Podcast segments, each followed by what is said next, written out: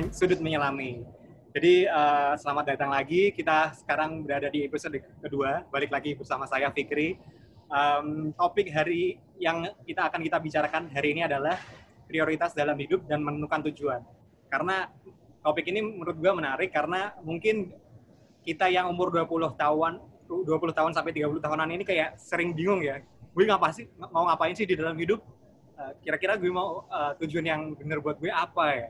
Kadang pasti di setiap kita ada yang rasa kayak gitu dan um, kali ini gue undang teman gue lagi teman eh, teman kuliah jadi udah lama banget kita nggak ketemu sekitar tiga tahun empat tahunan mungkin di yeah. sedikit background um, Ar dulu gue sama Arno tuh kayak satu geng gitu kan ya. iya kita geng. bareng terus ya. Pokoknya kalau duduk selalu apa namanya jajaran gitu soalnya kita tim introvert sementara Ika berada di sisi yang lain. Jadi teman gue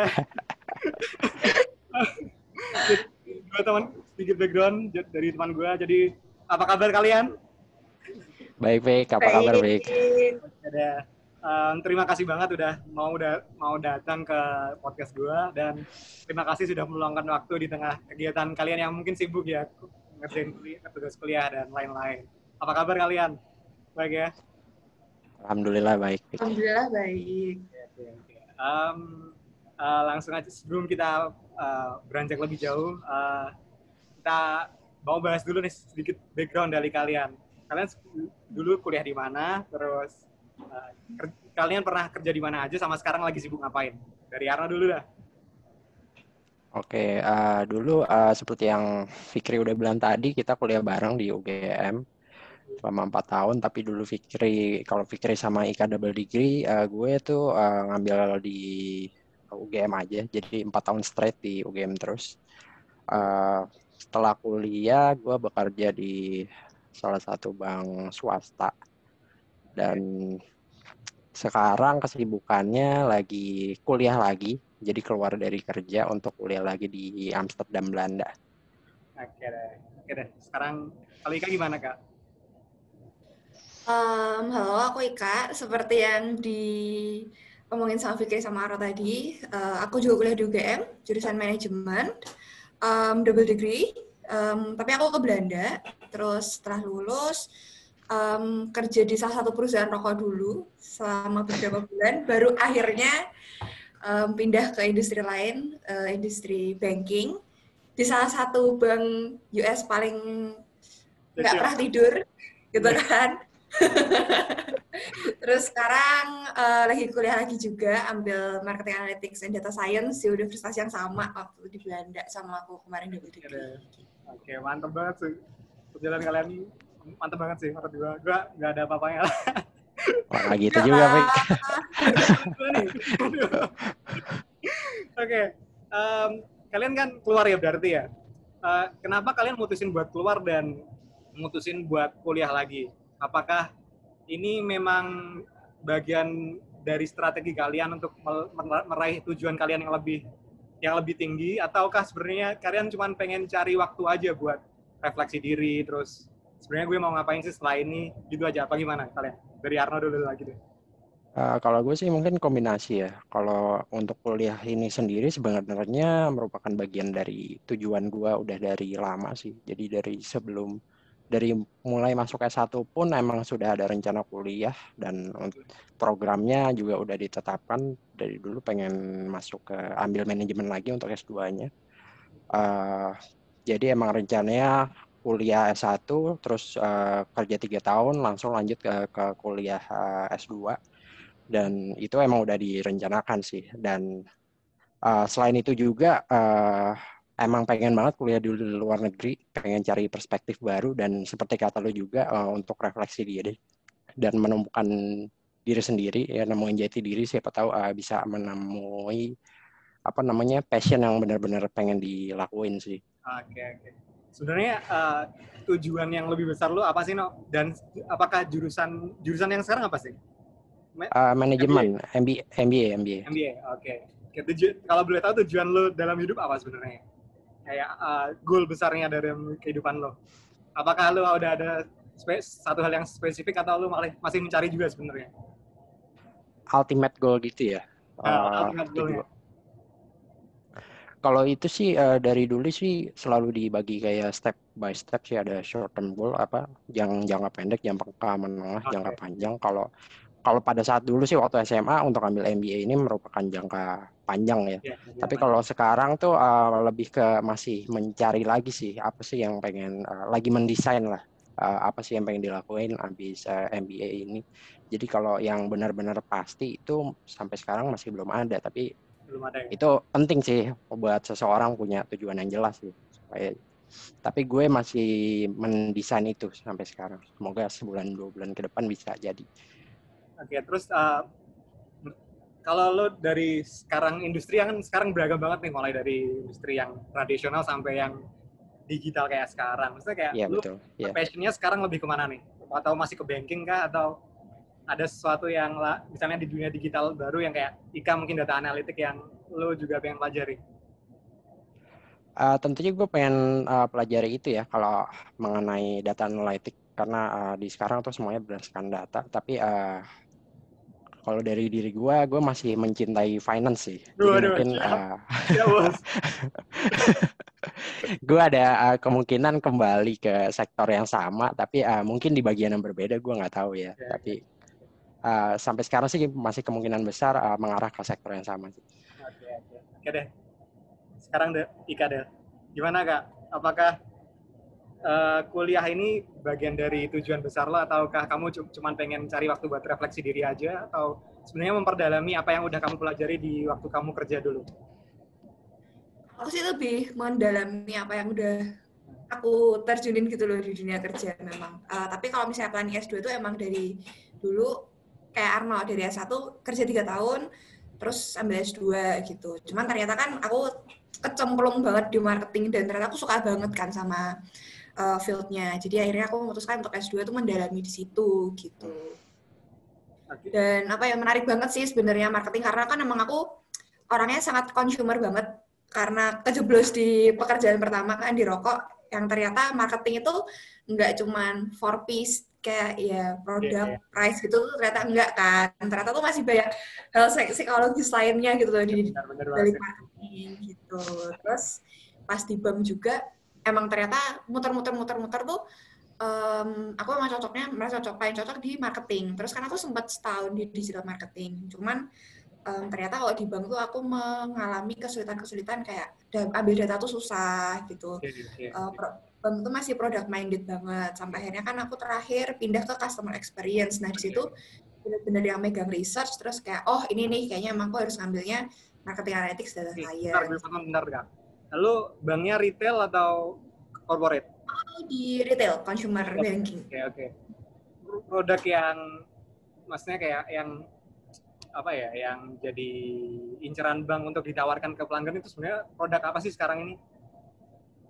Produk sih sebenarnya kalau sekarang tuh kita ngomongnya um, one stop financial solution gitu kan. Okay, okay. Um, satu pasti kasa tabungan, dua kartu kredit, tiga loan gitu. Cuman okay. personal loan tuh kan sekarang macamnya banyak banget kan. Okay. Uh, eh, kita harus bisa saingan kayak kredivo yang gitu-gitu, yang loan yang kecil-kecil, which sebenarnya tuh ada juga di provide sama kartu kredit. Kalau bambu kan emang paling gede di kartu kredit kan. Jadi kita tuh mengolah lagi. Jadi produk bank kartu kredit ini tuh bisa kita tawarin dengan cara yang berbeda nggak sih ke customer kayak gitu juga sih. Iya iya iya menarik sih. Soalnya apa ya? Banking itu kan emang penting banget cuman um, Citibank, City, eh, sorry sorry, gue boleh nyebut nama. Harga potong deh ini deh. Itu soalnya. Harga potong deh. Jadi uh, gak apa-apa sebut aja lah apa sih. Gak apa-apa ya disebut ya. Gak apa-apa. Apa kali ya. Oke kalau setelah gue emang Citibank tuh kayak uh, intens banget di Indonesia tuh di sisi kartu kreditnya ya. Uh, sama yang pengen gue tahu kalau lu targeting customer itu kayak lu lihat apanya sih? Sesuatu yang lu lihat dari pelanggan itu apa? Ini potensial atau enggak? Itu apanya sih? Oh kalau misalnya apa yang kita lihat dari pelanggan itu satu pasti kita lihat behaviornya dulu kan. Hmm. behaviornya tuh cocok nggak sama produk kita? Karena kalau misalnya nggak cocok kan dia ngapain targeting? Karena orang pasti nggak bakal pakai gitu. Yang kedua sih value-nya mereka ya. Jadi kayak value transaksinya mereka tuh berapa sama kita. um, misalnya kayak kita mungkin targetnya lebih ke emerging affluent. Kenapa kita lebih ke emerging affluent? Karena kita ngejar tiket size yang lebih besar gitu kan. Kalau ke, ke mass market kan mereka transaksinya sering, tapi mungkin tiket size-nya nggak terlalu gede gitu. Nah, kalau kita kan memang lebih fokusnya ke tiket size yang besar. Jadi kita lihat customer value-nya dari amount of transaction-nya mereka gitu. Amount of transaction ya, oke. Okay. Behavior, kalau kalau ngomongin tentang behavior, kayak spesifiknya spesifiknya itu behavior yang gimana? Um, karena sekarang kita semua digital, jadi kita okay, lihat oh, berarti, di, okay, okay. di terus, internet sih. Jadi kayak mereka misalnya di Tokopedia nih, uh, mereka visit Tokopedia seberapa sering, oh. transaksi seberapa sering, Jadi, kayak gitu. online digital ya? Hmm, karena kan semua sebenarnya semua orang tuh bisa dicari gitu kan lewat internet karena ada yang namanya cookies itu. Okay. Jadi kita tuh bisa tahu gitu karena ya semua kan di track sama Google kan soalnya. Okay. Jadi apa pun yang kalian yeah. lakukan. Ya apalagi kalau di bank ya kayak transaksi dari pelanggan tuh kelihatan banget ya ini belanja dari mana, ini belanja dari mana. Oke, okay, I see, I see. Jadi dulu gue gak kepikiran tadi sebenarnya. Setelah tapi setelah kamu jelasin kayak gitu, oh, make sense. Karena yes. dari transaksinya ya kan. Betul. Even kayak misalnya dari Instagram, Facebook, WhatsApp gitu. Karena orang ada yang bilang kan, baru ngomongin di WhatsApp kok terus langsung dipaparin ads gitu. Um, waktu kamu login Facebook, Instagram, uh, WhatsApp itu tuh kan datanya kan masuk kan. Jadi kamu tuh udah di tag gitu loh kalau misalnya kamu ngelihat iklan baju nih di hmm? Instagram, pasti kamu ke Facebook akan lihat iklan baju, ke Google juga akan lihat iklan baju itu karena kamu ditandain. Nah, nandainnya dari apa? Dari emailmu. Aduh. Dari iPhone kayak gitu. Eh sorry, mau mau motong bentar. Uh, jadi ya uh, kalau dari bank juga bisa uh, meminta hak untuk melihat itu juga ya. Apa track record dari potensial nasabah di Bisa, internet itu gitu. salah satu service yang ditawarin sama Google sama Facebook toh namanya oh. apa audience gitu memang ada sih jadi kalau misalnya profilnya kita Facebook atau Instagram itu dijadiin bisnis profile itu kalian bisa nyoba sih kalau misalnya kalian mau bikin ads itu kira-kira orang yang bisa kepapar sama ads-nya kalian misalnya di radius 5 km itu berapa orang tuh bisa aduh kan? ngeri tanpa juga. kalian ya. bayarnya nanti kalau misalnya emang kalian udah milih ads terus uh, udah milih radius berapa orang yang ditarget itu kalian baru bayar. Tapi kalau misalnya kalian mau ngeliat approximately berapa sih di sekitar 5 km ini itu kalian bisa cek ada di Instagram bisnis. Insider info banget nih ngeri nggak? Ini kayak bisa jadi bisa jadi topik sendiri nih. Banyak orang yang khawatir masalah ini soalnya ya nggak apa-apa nggak apa menarik menarik menarik. Dan dan lu di di di universitas yang sekarang di S2 sekarang mempelajari ini kak? Specifically untuk iya, uh, marketing analytics data science. Jadi tapi nggak cuma dari data digitalnya juga ya ah, um, okay. dari mempelajari behaviornya juga. Jadi kalau misalnya aku bikin research nih dari awal untuk mempelajari customer behavior tuh kayak gimana pun juga ini sih ada. Dan balik lagi belajar coding. Belajar coding? Lu belajar coding juga apa bahasa pemrogramannya apa? Bahasa pemrograman? Um, pakai R sih, R sama SAS. Aduh, nggak pernah. Ini sama Python Oh, Python dengar, tapi kalau R sama SAS nggak nggak nggak dengar gitu. SAS tuh biasanya dipakai di financial industry sih. Kalau bank pasti pakai SAS. Oke, okay, oke. Okay. Jadi tahu hal yang sebelumnya belum gue tahu nih. Menarik, menarik. Oke okay, deh. Sekarang um, jadi uh, kalau untuk fokus jangka panjang masih ke bank ya, maksudnya masih mendalami topik yang sama, cuman dengan pengetahuan yang lebih dalam dari dari yang kalian dapatkan di universitas ini ya, dari S2 ini ya. Jadi itu masih bagian. Betul ya? betul. Oke. Okay. Iya betul. Um, kenapa kenapa milih S2 di luar negeri? Kenapa nggak di Indo? Aduh jawabanku klise banget ya. uh, jawabanku tuh klise banget karena gini sih mikirnya S1 kan udah di luar gitu. Yeah. Iya. Terus dan kebetulan jurusanku itu belum banyak sih, even di luar pun masih belum banyak. Jadi kayak di Belanda cuman yang punya cuman Groningen, SC sama Tilburg. Uh, sisanya nggak ada. Terus kayak di UK pun juga cuman Leeds, Imperial College, cuman kayak Imperial College tinggi banget ya nggak bisa masuk lah ya. Sama Southampton gitu.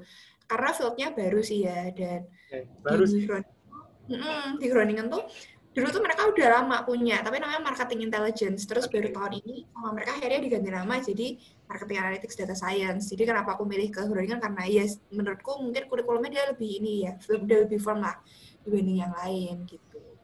Oke, kalau lo gimana no? Kenapa lo ke Belanda? Kenapa nggak ke Hmm, Kalau di Indonesia aja? Kalau gue kan dulu pas S1 belum kesampaian ya. Itu salah Ya, satu ya, ya. alasan juga sih. Tapi eh, alasan lainnya sih kayak lo bilang di awal tadi, gue kan orangnya introvert dan pemalu ya. Gue pengen eh, keluar dari zona nyaman gue dan di program MBA ini kan pesertanya diharuskan untuk eh, diskusi intens satu sama lain, bentuk eh, grup sama orang-orang baru yang kita kenal dari berbagai macam negara itu untuk eh, lebih ke mengembangkan diri gue lagi sih supaya bisa eh, lebih uh, mengemukakan pendapat di uh, zona yang Ya. buat gue belum nyaman. Depan halayak, halayak banget, banyak ya. Dulu kan kita introvert banget ya di Iya betul. dia. Aku tuh geng-geng yang pinter gitu loh. Iya iya iya. Datangnya datangnya paling pagi terus lagi ya. Ya. Aduh, dulu daripada dosen kita, Bro.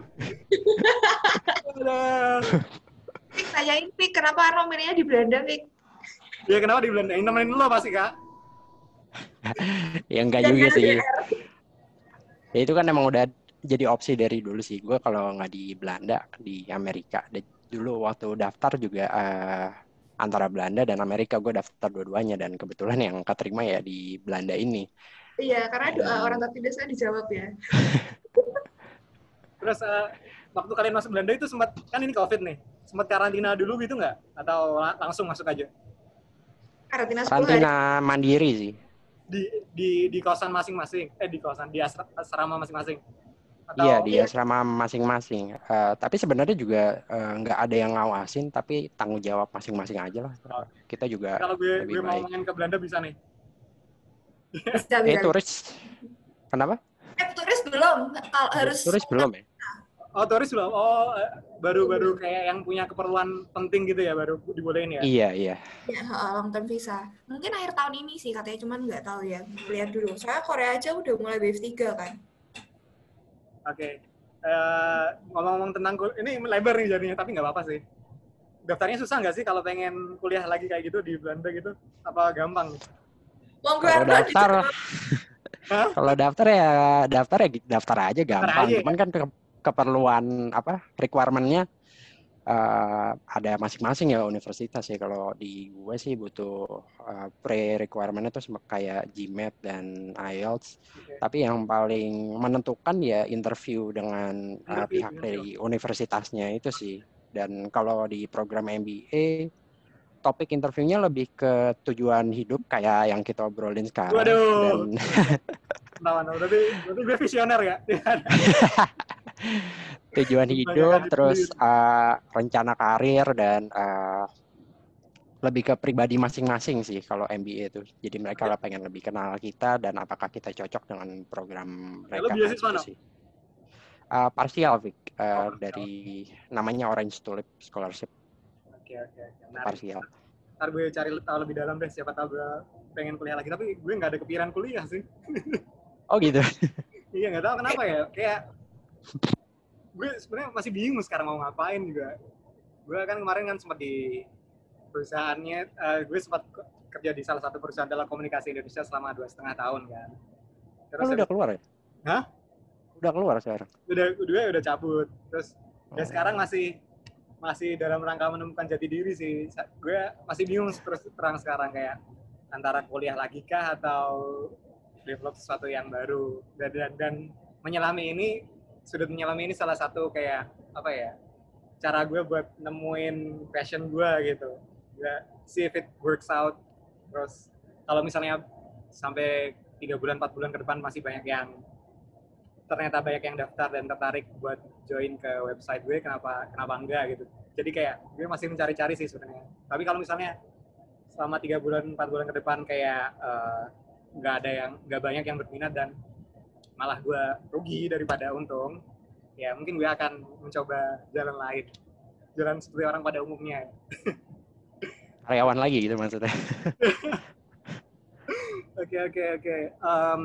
Mas balik lagi ke topik tujuan hidup. Iya. Kalau menurut kalian yang yang punya peran besar dalam menentukan tujuan hidup kalian tuh kalian sendiri atau adakah orang lain yang punya pengaruh besar dalam ngeset kalian ngeset tujuan kalian? Dari Arno dulu deh. Uh, tentunya ada ya kalau di uh, gua rasa kalau pada umumnya di Indonesia orang tua punya uh, peran yang kuat untuk uh, menentukan tujuan hidup ya paling nggak sampai kita lulus kuliah ya pada umumnya gue rasa uh, dan uh, sejauh ini dari gue masuk SMA masuk kuliah itu ada peran orang tua yang uh, hampir menentukan tujuan hidup gue dan untungnya gue senang dengan keputusan yang udah diambil sama orang tua gue dan gue juga. Terus uh, selain itu uh, pasangan juga sih. Gue banyak uh, bicara sama Ika uh, mengenai apa langkah-langkah berikutnya yang akan gue ambil dan uh, kebanyakan juga dari kesimpulan dari diskusi sama Ika juga. Dan satu lagi mungkin kalau gue pribadi itu dari teman-teman kuliah sih itu juga kuliah? Uh, okay. iya maksudnya gue paling nggak kan tahu di mana kalian semua tuh uh, saat ini di mana dan itu jadi motivasi tersendiri buat gue sih kayak lo bikin menyelami ini juga yeah, uh, wah pikir uh, bikin sesuatu nih gue juga uh, pengen apa ya pengen buat kontribusi juga buat orang-orang yeah. kayak gitu-gitu sih Iya, iya. Oke. Tapi yang paling besar ya kalau dibilang paling besar ya orang tua sama pasangan sama. Dan orang tua lo mendukung lo kuliah lagi ya? Iya, mendukung karena kebetulan juga disupport juga sama orang tua financially. Kalau masih disupport enak banget kalau udah nggak disupport sama orang tua lo mati aja. Iya itu susah, susah. Susah, susah, susah. Kalau Ika gimana Ika? Um, pengaruh sih orang tua pasti, cuman agak beda sih ya sama Arno. Kalau orang tua aku tuh lebih bebas gitu loh. Jadi mereka, kamu kan udah lulus kuliah ya terserah kamu, kamu mau apa karena tanggung jawabnya orang tua tuh ya cuma sampai kuliah aja. Setelahnya itu kamu sudah dewasa, kamu harus menentukan kamu maunya apa gitu. Jadi waktu cari kerja pun tuh dulu beneran sama perusahaan aku daftarin gitu loh, Vic. Gitu. Um, cuman kok ya untungnya puji Tuhan, Tuhan tuh ngasih jalannya tuh kok ya sistematis banget gitu. Ternyata udah disembuhin di tempat yang emang aku suka. Terus kedua, pasangan tuh pasti. Aku banyak men-challenge Arno dan banyak belajar dari Arno sih. Aduh. Karena aku terus gitu dia. Kamu tuh maunya apa? Kamu tuh sukanya apa gitu. Jadi refleksi aku. Challenge ya, saling challenge. Oh iya, Arno tuh kalau misalnya di challenge udah sampai pusing gitu sampai kayak udah aku gak mau ngomong gitu. Tapi men-challenge tuh penting sih menurutku kadang. Kayak uh, resiko punya pasangan cerimis sih. Ada. Oke, oke, oke, oke, oke. Oke deh, sekarang ke pertanyaan selanjutnya. Kalian sempat mengalami kebingungan nggak kayak dalam menentukan keputusan hidup kalian ini um, di bank gitu? Ini benar apa salah nggak ya? Atau kalian langsung kayak yakin, pak inilah pas ini jalan gue gue yakin dah, jalanin aja. Gitu. Dari gue dulu ya. Cara kalian ngadepin kebingungan itu gimana? Cara kalian ngatasin kebingungan, kebimbangan? Uh, kalau gue sih uh, sering banget sih untuk uh, menghadapi kebingungan gitu. Uh, walaupun pada awalnya waktu masuk ke bank sih gue udah yakin banget nih. Ini ada jalan gue banget nih dulu gue ambil finance gue masuk bank udah paling benar gitu tapi uh, waktu di banknya sendiri sih banyak ketemu uh, keraguan gitu ya uh, kayak mungkin kejenuhan kerja aja sih tapi uh, hal-hal yang kayak gitu bisa diatasin selama kita punya tujuan yang jelas di akhir sih pada saat itu kan gue tujuan yang jelas gue itu buat kuliah lagi. Jadi uh, yeah, mau yeah. beban seberat apa pun selama itu nggak mengganggu tujuan gue untuk berkuliah lagi, ya gue hadapin aja. Toh itu akan jadi pembelajaran juga buat gue ke depannya dan di pada saat di bank itu sendiri sih. Jadi uh, intinya sih punya tujuan yang jelas dan lanjut terus aja. Oke, berarti tujuan ya yang menguatkan lo untuk uh, kayak sabar dengan apa yang kamu jalani sekarang. Siapa tahu uh, ada jalan yang lain dari sini ya kan? Tujuan berarti ya, poin ini. Iya, tujuan. iya. Oke. Kalau Ika gimana kak? Mirip sih sama Arno, karena um, aku sempat desperate di kerjaan gue yang pertama kan. Emang karena aku dulu pengen banget masuk bank. Terus nggak tahu kenapa Tuhan menempatkan aku di perusahaan rokok gitu. Dan aku bukan perokok, itu kan stres banget kan. Stres banget Terus kayak, aduh kenapa sih aku kerja di perusahaan rokok eh, yang bertanya-tanya kenapa ya kok tak ambil kayak gitu. Cuman waktu itu mikirnya kayak ya mungkin ini emang jalannya Tuhan sebelum aku masuk ke bank tuh emang di prep dulu lah gitu. Jadi pas nanti aku udah on board di sana mungkin bisa lebih cepat akselerasinya. Terus pas masuk Citibank juga kan ternyata masih banyak obstacle-nya kan, kayak diputar di produk, risk management. Cuman aku cuma mikirnya gini sih, emang aku endgame di marketing. Jadi uh, apa pun yang aku kerjakan sekarang, aku akan cari intisarinya yang memang berhubungan sama si marketing itu tadi gitu dan aku berusaha keras sih buat sampai placement di marketing gitu ya tujuannya sih memang bener eh, yang harus kuat Iya. karena kalau misalnya kita nggak punya tujuan nggak tahu kan apa yang dicari Oke, oke. apa Um, yang mau dicarinya itu yang research questionnya Marketing banget. Oke, mantap lah. Dulu dulu yang nyebabin kamu pindah dari rokok ke bank itu berarti karena kerjaannya ya pertama ya. Terus kalau kamu dapat chance-nya itu karena ada orang yang reach out ke kamu atau lu kamu emang cari-cari sendiri kak? Oh, alasan pertama pindah dari rokok itu satu kesehatan sih, karena kan sempat sakit, em, nggak kuat kan. Eh, kerjaannya juga agak gila, apalagi kalau ada event kan bisa Sabtu Minggu masuk terus, terus itu Iya, itu iya, ya, aku nggak kuat sama masuk Jadi emang kesehatan tuh drop banget waktu itu. Yang kedua, kalau waktu di City itu tahun sebelumnya emang aku ada ikut City Future Leader, bareng Arma juga sih, dan sebenarnya dari situ tuh kita ketelepon buat interview, lulus. tapi karena kita belum KKN, jadi kita nggak bisa ikut batch yang itu. Terus aku nanya kayak Syariah lah, belajar Syariah gitu. Kayak ada lagi kayak di batch MA yang buka. Terus dikabarin, begitu ada batch yang buka, aku daftar lagi. Nah ternyata lolos. Terus ya udah jadi MA di City. Tapi emang kayak dari dari kecil deh, aku tuh dari TK tuh eh, pengen banget kerja di City. Dari TK Gara-gara ya? dulu aku punya kartu kredit City. Baru dari tahu TK, aku. dari TK saya kartu kredit keren banget gitu kan. Terus habis itu aku tuh gara-gara rewards point. Jadi ngeliat ih kok transaksi pakai kartu kredit terus habis itu bisa ngumpulin poin bisa ditukar mainan kok seru banget gitu. Iya. Itu yang membuat aku pengen kerja di Citibank. Terus yang kedua kacau banget sih. kacau banget ya. Terus ya kedua Wajar brandnya sih kan wajar international brand gitu. Terus mm, dari dulu jadi pengennya kayak pengen masuk City, pengen masuk City, pengen masuk City gitu. Dan waktu udah di Sampurna kan sebenarnya ah sebut lagi Sampurna ya udah lah ya. Waktu di Sampurna kan sebenarnya kan udah it's an established company kan. Maksudnya you have no reason to move lah. Uh, in terms of gaji juga bagus banget gitu. Karena development juga oke banget. Cuman ya Potong gaji 50% loh Ika ini. Waduh, Saking pengen masuk City. iya. Iya sih benar-benar benar. Kalau gaji 50 persen dari dari Sampurna Kamu ini keluar dari Udah City 50% atau bener, masih cuman- sebagai karyawan City kak? Oh aku resign sih kemarin em, ada beberapa hal gitulah yang bikin aku nggak bisa unpaid leave. Cuman em, dari City sih sepertinya masih memperbolehkan aku kembali gitu kalau udah Oke, lulus. enak lah gitu. Kalau ada yang kenal mah enak sih di dalam. Iya. Oke oke oke. Soalnya emang alasanku untuk S2 kan karena pekerjaan kan, Vic. Jadi oke. aku tuh pengen mendalami apa yang aku kerjain gitu loh. Makanya biar aku bisa kasih impact yang lebih gede kan ke company-nya. impact yang Karena aku lihat if I stuck in the same place, heeh, aku nggak sekolah, itu aku takutnya dalam lima tahun ke depan aku udah nggak bisa ngapa-ngapain lagi. Jadi udah nggak bisa kembang lagi gitu loh kalau spons tuh. Oke, tapi Jadi aku mikirnya mumpung aku masih muda. oke, tapi berarti Hmm. kamu percaya Mumpung bahwa ilmu dari universitas tuh kayak sesuatu yang berharga ya. Walaupun sekarang ada internet, ada Pasti. ada Udemy yang tempat di mana kamu masih bisa belajar sendiri, tapi menurutmu univ j- memang jadi salah satu sumber ilmu yang tepat ya? Iya pasti. Soalnya masih. em, kalau kita belajar di kampus tuh mereka kan punya research research yang memang mendalami fenomena-fenomena paling baru kan. Itu yang kita nggak bisa dapetin di Udemy. Karena kalau misalnya kita belajar case study sendiri, kita tuh nggak tahu teori dasarnya tuh apa sih, pemikirannya tuh kenapa sih kok kayak gini. Nah itu kan yang perlu dicari kan.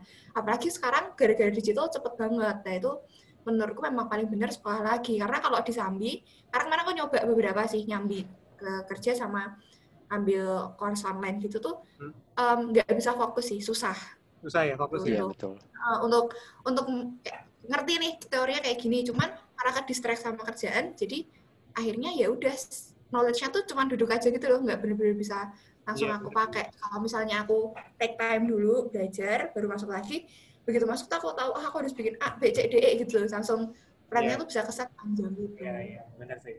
Oke, oke. oke. Kalau kalau kalian kendala yang kalian sekarang sulit hadapi apa di di waktu kalian kuliah ini? Ada ada kendala nggak atau ya enjoy aja jalaninnya? Dari Arno dulu deh.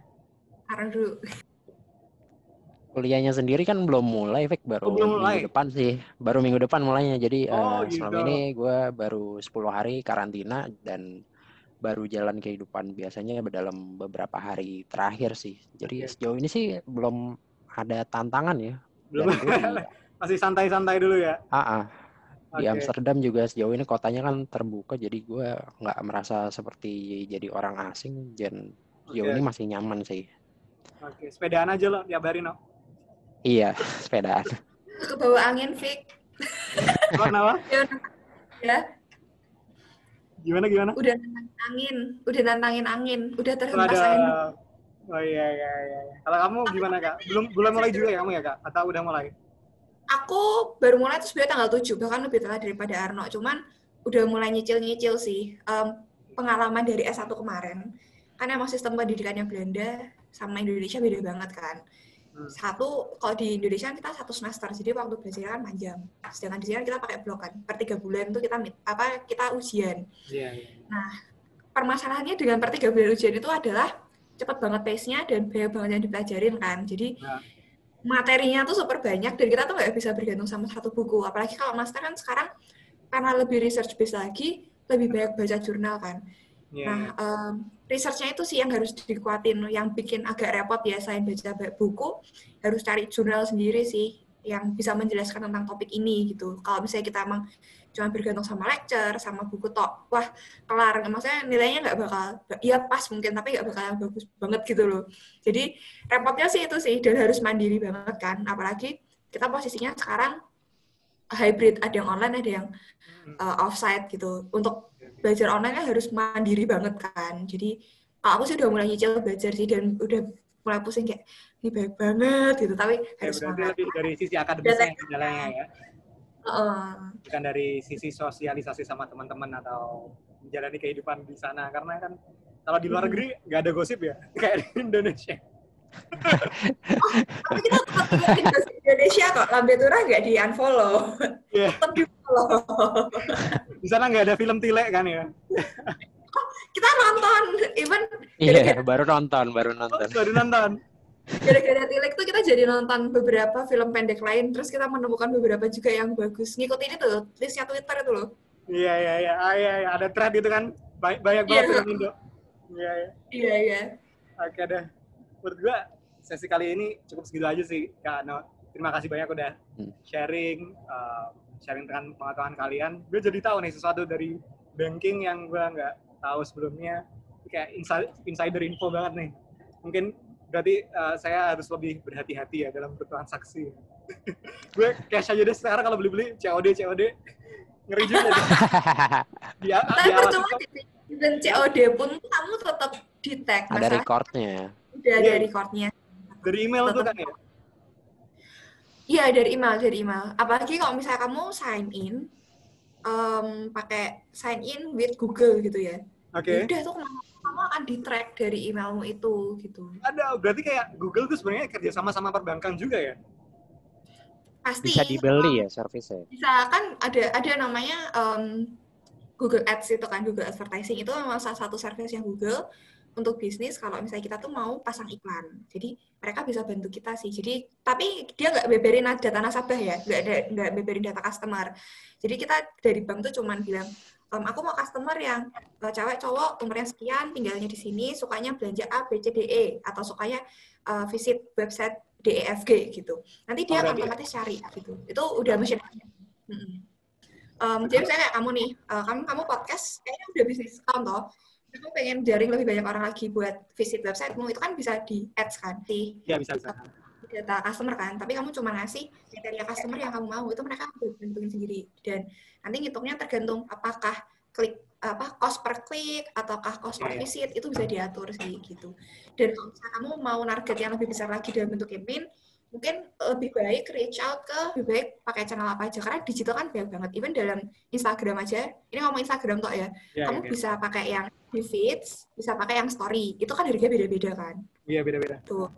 Tuh kayak di Facebook kalau misalnya Instagram biasanya mereka akan nawarin juga kamu mau nggak placement di Facebook? Di Facebook tuh juga harganya beda-beda lagi Nah itu tergantung sih. Nanti mereka bisa nyaranin channel apa yang paling oke buat kamu gitu. Ataukah kamu harus masuk ke Google? Kalau Google tuh juga formatnya kan banyak banget. Itu mereka juga bisa ini eh, ngasih advice lah kamu baiknya di mana? Terus budget yang kamu keluarin saya untuk target 100 orang kira-kira berapa? Gak gak 100 orang sebenarnya 10 ribu orang gitu kira-kira berapa? Tuh mereka bisa hitungin gitu. Karena kan semua di tag by intention kan. Even Spotify pun sebenarnya itu bisa bantu. Yang Spotify for Business kamu Hah? bisa tahu sih analytics-nya dari podcastmu siapa yang dengerin kan Iya, Data iya. itu tuh bisa dipakai bisa buat lihat, target. Bisa, bisa lihat. Umur, umur terus pakai HP apa, pakai browser Hmm. apa, terus Lokasi. lokasi ya lokasi. Itu? Nah itu bisa bisa bisa diolah lagi sih sebenarnya terus dipakai buat targeting orang lagi kalau misalnya kamu gedein platformmu. Oke oke. Jadi melebar ke dunia digital yang menarik sih. Oke deh. Digital marketing tuh satu satu hal apa ya yang bahkan sampai aku sendiri pun em, masih merasa tuh tuh hutan timba. Karena belum banyak orang yang bisa optimize. Dan setiap hari tuh ada hal baru tuh di digital. Karena digital sekarang nggak cuma budget placement banyak-banyakan. Saya kayak aku beli slot di Kompas gitu ya. Udah gak gitu lagi. Sekarang juga berdasarkan kontennya kita, storytellingnya kita, targetingnya kita, itu bener apa enggak itu juga sangat mempengaruhi. Dan digital tuh komponennya tuh jauh lebih kompleks lagi gitu loh daripada um, misalnya kayak baliho atau TV kan gitu. Karena memang bener-bener semua personalized gitu. Oke oke. Oke deh kak. Kalau Arno ada yang mau ditambahin nggak Arno? Dari Arno? Kompleks banget punya kak. Pusing banget. Iya makanya itu udah satu topik lagi sih kalau ngomongin digital marketing dan customer behavior. Cuman ya itu insider tips aja kalau bisa kamu kan lagi merintis toh. Jadi siapa Iya, tahu iya, itu ntar- bisa dipakai dulu lah buat Ntar gue undang lagi. Kan, ada- kalau- nggak ada fake dari gue. Lebih dalam deh. Gue perlu nih. Oke oke oke. Ya udah. Oke thank you guys atas waktunya. Eh, semoga kalian di sana tetap sehat-sehat terus Amin. namanya ya sehat-sehat lah pokoknya sukses sama apa namanya kuliahnya dan balik ke Indonesia dapat bangun Indonesia dan kontribusi sesuatu yang lebih untuk Indonesia sih harapan gue itu aja terima kasih udah meluangkan waktunya Eh, buat teman-teman yang udah dengerin sponsor boleh nggak? Apa? Pesan sponsor boleh nggak? Pesan Pesan sponsor. sponsor, sponsor. Nah, boleh boleh boleh silakan silakan silakan Uh, buat teman-teman yang dengerin mungkin pengen tahu kuliah di Belanda kayak apa, bisa Oke. follow studi di Belanda. Atau mungkin nanya ke aku bisa, karena aku sekarang jadi studi bahasa dari studi di Belanda. Uh, Oke. jadi kalau misalnya mau nanya-nanya gimana keluarnya, terus um, yang bagus tuh jurusan apa, di kampus mana gitu, terus cara belajar, cara bertahan hidup di Belanda gitu, bisa sih tanya ke aku gitu. Atau follow studi di Belanda gitu. oke In- akun Instagram atau Twitter lu kak disebut kak Oh iya, em, akun Instagramnya Ratrika, R A T R I K A A underscores, atau cari aja Ratri Pratiwi gitu di Instagram pasti ada. oke. lu juga ada, juga mau ada sponsor gak no lu Nggak ada, gue cukup. oke deh Eh, ya. Terus, guys Ambassador OTS nih ya, nggak mau promosi ya. Oke deh, terima kasih teman-teman. Sukses ya kuliahnya. Eh, ter- sekian dari kita teman-teman sudut menyelami. Terima kasih sudah, sudah mau mendengarkan. Semoga kalian tetap sehat-sehat di rumah, jaga jarak dan tetap pokoknya tetap sukses lah. Mau ngomong apa. Ciao guys.